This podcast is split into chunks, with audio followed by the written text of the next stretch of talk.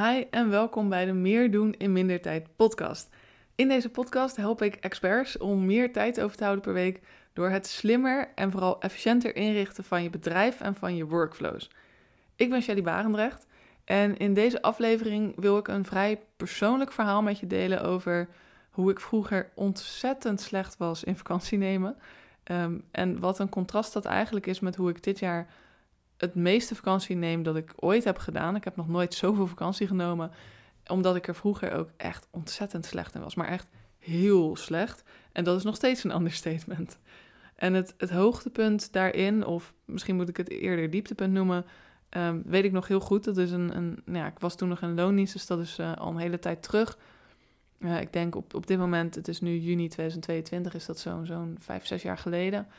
En uh, ja, ik werkte bij een ondernemer. Heel leuk, uh, heel leuk bedrijf. Ze was net gestart. En ik wist gewoon, ik moet hier onderdeel van uitmaken. Ik wilde ook leren hoe ik zou moeten ondernemen voor mezelf daarna. Uh, dus ik ben er vanaf dag één bij ingestapt. Nooit spijt van gehad. Echt een fantastische ervaring. En heel veel geleerd. Maar dat begon als één uh, bedrijf. binnen een jaar waren dat twee bedrijven. En binnen twee jaar waren dat alweer drie bedrijven. Dus dat groeide allemaal ontzettend goed. Het waren alle drie succesvolle bedrijven. Dus dat ging ook echt heel goed. En doordat ik er vanaf het begin bij was, had ik ook een heel hoog verantwoordelijkheidsgevoel. Nou, voel ik me sowieso uh, al, snel verantwoordelijk voor allerlei dingen. Dus dat is ook wel een beetje de aard van het beestje. Maar uh, zeker, ja, als je het hebt zien opgroeien en hebt geholpen aan, uh, aan het opbouwen van iets, dan ja, is dat toch extra groot aanwezig.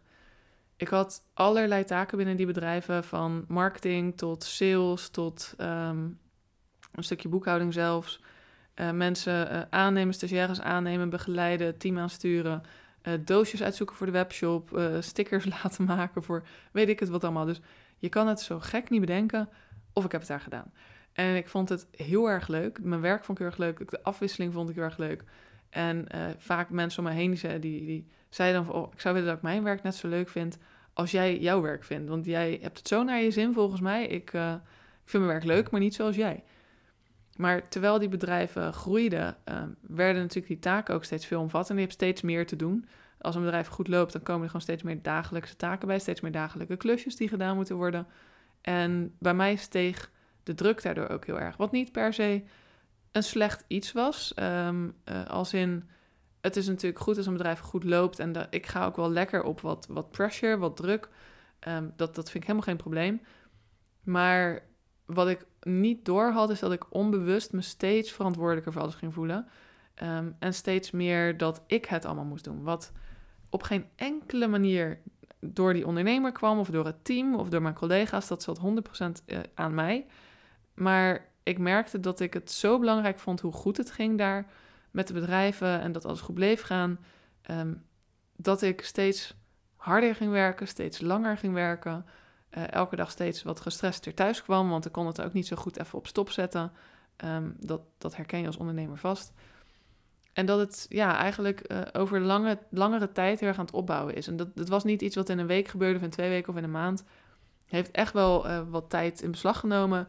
Maar ik merkte dat ik ja, toch het, het steeds meer headspace ging nemen. Dat ik op zondag in mijn hoofd al bezig was met alles wat er op maandag moest gaan gebeuren. Het feit dat ik een mega drukke week tegemoet ging. Uh, waardoor ik van de zondag zelf dan ook echt nog amper genoot. Uh, want als je in je hoofd al aan het werk bent, ja, dat, dat is zonde van je, van je relaxed uh, laid-back Sunday, zeg maar. En op het moment dat ik het niet zo bewust door, dat ze opstapelde, dat ik ook steeds minder plezier in dingen had. mensen om mij heen hadden ook niet per se snel door. Die hadden zoiets van, ja, ik had het altijd al vrij druk. Ik ben altijd ook veel ja, sociale dingen aan het doen, uh, veel weg. Ik ben niet uh, elke dag thuis op de bank, zeg maar, waar niks mis mee is. Maar dat, ik, nu zit ik een stuk meer op de bank, maar toen nog niet. Dus mensen om me heen wisten ook van ja, Shell die heeft altijd druk, die redt zichzelf wel, die gaat er eigenlijk wel lekker op. Dat is helemaal geen probleem. En de enige die het wel door had en het enige die het kon doorhebben, dat was mijn vriend. Omdat ik daar toen ook al mee samenwoonde. En eigenlijk zonder dat ik het zelf nog helemaal goed door had, zag hij me ja, steeds minder energiek worden, steeds minder enthousiast worden over mijn werk. Terwijl ik eerst eigenlijk altijd zo ontzettend blij was met alles wat ik deed.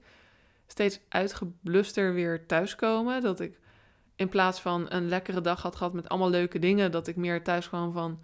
Poeh, ja, het was wel echt druk en uh, veel gedaan. En, uh, maar ja, er is nog steeds veel te doen. En dat ik steeds meer naar, naar die uh, kant ging neigen. En ik volgde in die tijd een growth hacking cursus. Ontzettend gaaf.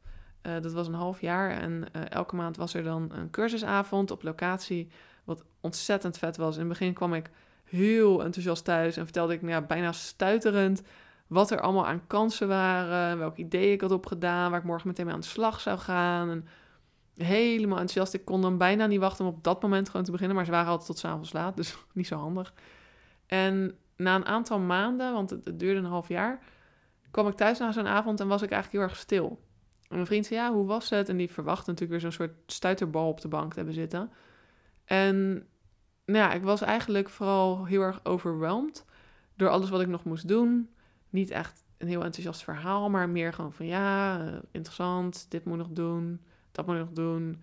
En ik zag eigenlijk vooral wat ik allemaal aan kansen liet liggen. Uh, binnen hè, de start-up en dus toen eigenlijk al de skill-up waar ik werkte. Ik zag alleen maar wat er allemaal nog gedaan moest worden, wat er nog allemaal gedaan kon worden, wat we nu dus niet deden. Welke kansen we allemaal niet te liggen. En daar kwam dan bij dat ik het al ontzettend druk had. En dan dacht ik, oh, hoe ga ik dat in godsnaam doen? Hoe ga ik dat allemaal tegelijk doen? Hoe ga ik en alle dagelijkse dingen doen en uh, dit er nog allemaal bij doen? Het is gewoon te veel. En uh, volgens mij barstte ik die avond uiteindelijk in tranen uit, omdat het allemaal zoveel was. En mijn vriend die zegt tegen mij, ik denk dat het tijd is voor jou om vakantie te nemen. Ik had in de anderhalf jaar ervoor in totaal zo'n vijf dagen vakantie genomen. Um, en dat was dan ook zo'n zo'n halve week dat ik op, op donderdag, volgens mij vloog ik. En uh, dan kwam ik zeg maar, wat was het, woensdag of dinsdagavond thuis. En de volgende ochtend was ik weer op kantoor. Dus dat je dan niet ook de rest van de week vrij neemt. Um, maar ik weet nog dat hij zei, ja, het is tijd om vakantie te nemen. En dat ik meteen riep, nee, maar dat gaat echt niet. Er is echt zoveel te doen. Ik kan nu echt niet vakantie nemen. Dat, dat gaat helemaal niet. Dat leek echt een soort Mission Impossible. Dat, dat was eh, bizar dat hij het voorstelde, zeg maar. En toen zegt hij, ja, ik denk dat je zelfs twee weken moet nemen. En toen dacht ik, wat? Ik heb sowieso nog nooit langer dan een week vakantie genomen op dat punt toen. Uh, mijn langste was altijd gewoon vijf dagen. En meestal wel een aansluitende week, maar dat was ook wel een tijdje terug. Um, en ik dacht, ik kan toch niet zo lang weg? Ben jij gek? Ik kan toch niet twee weken weg ergens? Uh, en dat, dat herken je als ondernemer, denk ik wel. Dat je denkt, kan toch niet zomaar twee weken weg? En dan ligt mijn bedrijf helemaal stil. En dat gaat helemaal niet. Nou, ik was eigenlijk een, een ondernemer binnen het bedrijf daar. Zo, ja, dat, dat, zo voelde ik me en dat was ik ook. En ik zag vooral alleen maar dat dat allemaal niet kon. Dat ik niet zo lang weg kon. En hij heeft toen een tijdje me ingepraat. Hij zag dat ik steeds minder mezelf was, steeds meer stress had, ja, slechter sliep. Niet meer kon genieten van zondag, want toen was ik eigenlijk al bezig met maandag. En hij heeft me toch uh, in ieder geval overgehaald, tenminste, met de ondernemer waar ik voor werkte, even te gaan uh, praten over die vakantie. Dus nou, kort daarna, ik, ik, deed wat ik al beloofd, had ik even gezegd, joh, kunnen we eventjes zitten? En voor het eerst eigenlijk vertelde ik aan haar dat het allemaal een beetje te veel was geworden. En ze was ontzettend verrast, omdat ik nooit had laten merken dat ik zo omkwam in het werk. Het bestond heel erg in mijn hoofd. Ik had het ook druk, maar goed, dat waren allemaal taken waarvan ik dan ook zei, die pak ik wel op. Um, dus ja, nogmaals, dat, dat lag niet aan haar, dat lag niet aan de collega's, dat kwam helemaal vanuit mij. En uh, ze was echt verrast en zei, ja je, ja, je moet echt sneller om hulp vragen voortaan, want dit is niet oké dat zo ver is gekomen, weet je wel. En dat kunnen wij ook niet allemaal aan jou zien. Want als je hier alleen mooi weer speelt, dan uh, gaat het niet. En ik weet nog dat ik toen zei, ja, ik denk erover om heel misschien uh, een weekje vakantie te nemen binnenkort, even bijkomen. En ze verplichten me eigenlijk meteen om er twee te nemen. Ik vraag me tot op de dag van vandaag nog af of mijn vriend haar heeft contact. Uh, want het ging zo snel, ze zegt, nou neem er maar twee. En ze had zich eigenlijk, ze zei er ook bij, ik vroeg me sowieso af wanneer je nou eens je vakantiedagen zou opnemen, want uh, je hebt ze nog allemaal en je bent hier altijd, dus wat, wat doe je hier nog? Neem lekker vakantie. Nou, ik vond de aanloop naar die twee, mijn eerste echte twee weken vakantie, vond ik heel erg lastig. Ik heb denk ik wel duizend keer tegen mijn collega's gezegd, app me gewoon als er wat is. En ik ben toch gewoon thuis en ik voelde me eigenlijk ook heel lullig. Want zij zei, oh wat leuk, vakantie, waar ga je heen? Zeg ik, ja, ik uh, blijf thuis. Uh, vond ik ontzettend lastig. Uh, wat aangeeft hoe erg een mindset, ding, ja, een mindset ding daarop zat eigenlijk voor me. En ik honderd keer gezegd, jongens, als er wat is, dan moet je me gewoon appen. Als er wat is, dan uh, je kan me gewoon bereiken. Ik ben gewoon hier in Rotterdam, geen probleem. En ik kreeg elke keer gewoon het antwoord, we gaan je niet appen, Shell. En toen ik op een gegeven moment zo vaak had gezegd, toen werd er tijdens de lunch uh, gepraat over, uh, moeten we niet het wachtwoord van je e-mail tijdelijk veranderen, zodat je er niet in kon. Dus dacht ik, oké, Nu hou ik mijn mond wel gewoon. ik ga niet meer aanbieden om, om, om beschikbaar te zijn. Volgens mij weten ze het nu wel en we hoeven niet het wachtwoord te wijzigen. De eerste week van mijn vakantie vond ik heel erg spannend. Uh, ik was er elke ochtend eigenlijk heel erg mee bezig dat ze dan nu allemaal ongeveer aan het opstarten waren. Mensen nu een beetje aan het werk gingen. Hield mijn telefoon ook in de gaten. Van ja, stel ze hebben me nodig, dan, uh, dan, dan ben ik er. Uh, mijn telefoon is nooit overgegaan die week. En ik voelde me vooral ontzettend schuldig dat ik aan het chillen was, dat ik aan het niksen was, terwijl andere mensen heel hard aan het werk waren. En dat stemmetje in mijn hoofd, die zei dan ook, je kan toch gewoon, kan veel beter aan het werk zijn, weet je wel, je zit hier alleen maar. Dus ik was ook heel opgelucht toen het uiteindelijk weekend was, uh, want ja, die week was zonder gedoe verlopen en niemand had me nodig gehad, het ging eigenlijk allemaal wel daar, ik, ik de site stond nog steeds online, het liep allemaal achter de schermen, niemand had me eigenlijk nodig. En toen ineens kwam de realisatie, ik heb gewoon nog een week. Ik heb nog een veel chillere week, want ik realiseer me eigenlijk nog meer dan dat. Het stort allemaal niet in als ik er niet ben. En dat was echt een punt waarop de, ja, de tweede week kon ik eindelijk uitslapen, kon genieten van mijn vrije tijd. Ik had geen schuldgevoel meer. Ik dacht, nou, ze redden het allemaal wel zonder me. En uh, uh, ik heb de boel, de boel gelaten toen. En nu zijn we een, een paar jaar later en heb ik volgens mij nog nooit zoveel vakantie genomen als dit jaar, als in 2022. Ik heb alle um, vrije feestdagen aangehouden, als in Pasen, Koningsdag en weet ik het allemaal wel niet. Uh, ik ben er een paar dagen naar Spanje gegaan met vriendinnen, uh, een, weekje weg met familie. Uh, ik neem nog een week vrij om gewoon thuis te zijn met mijn vriend.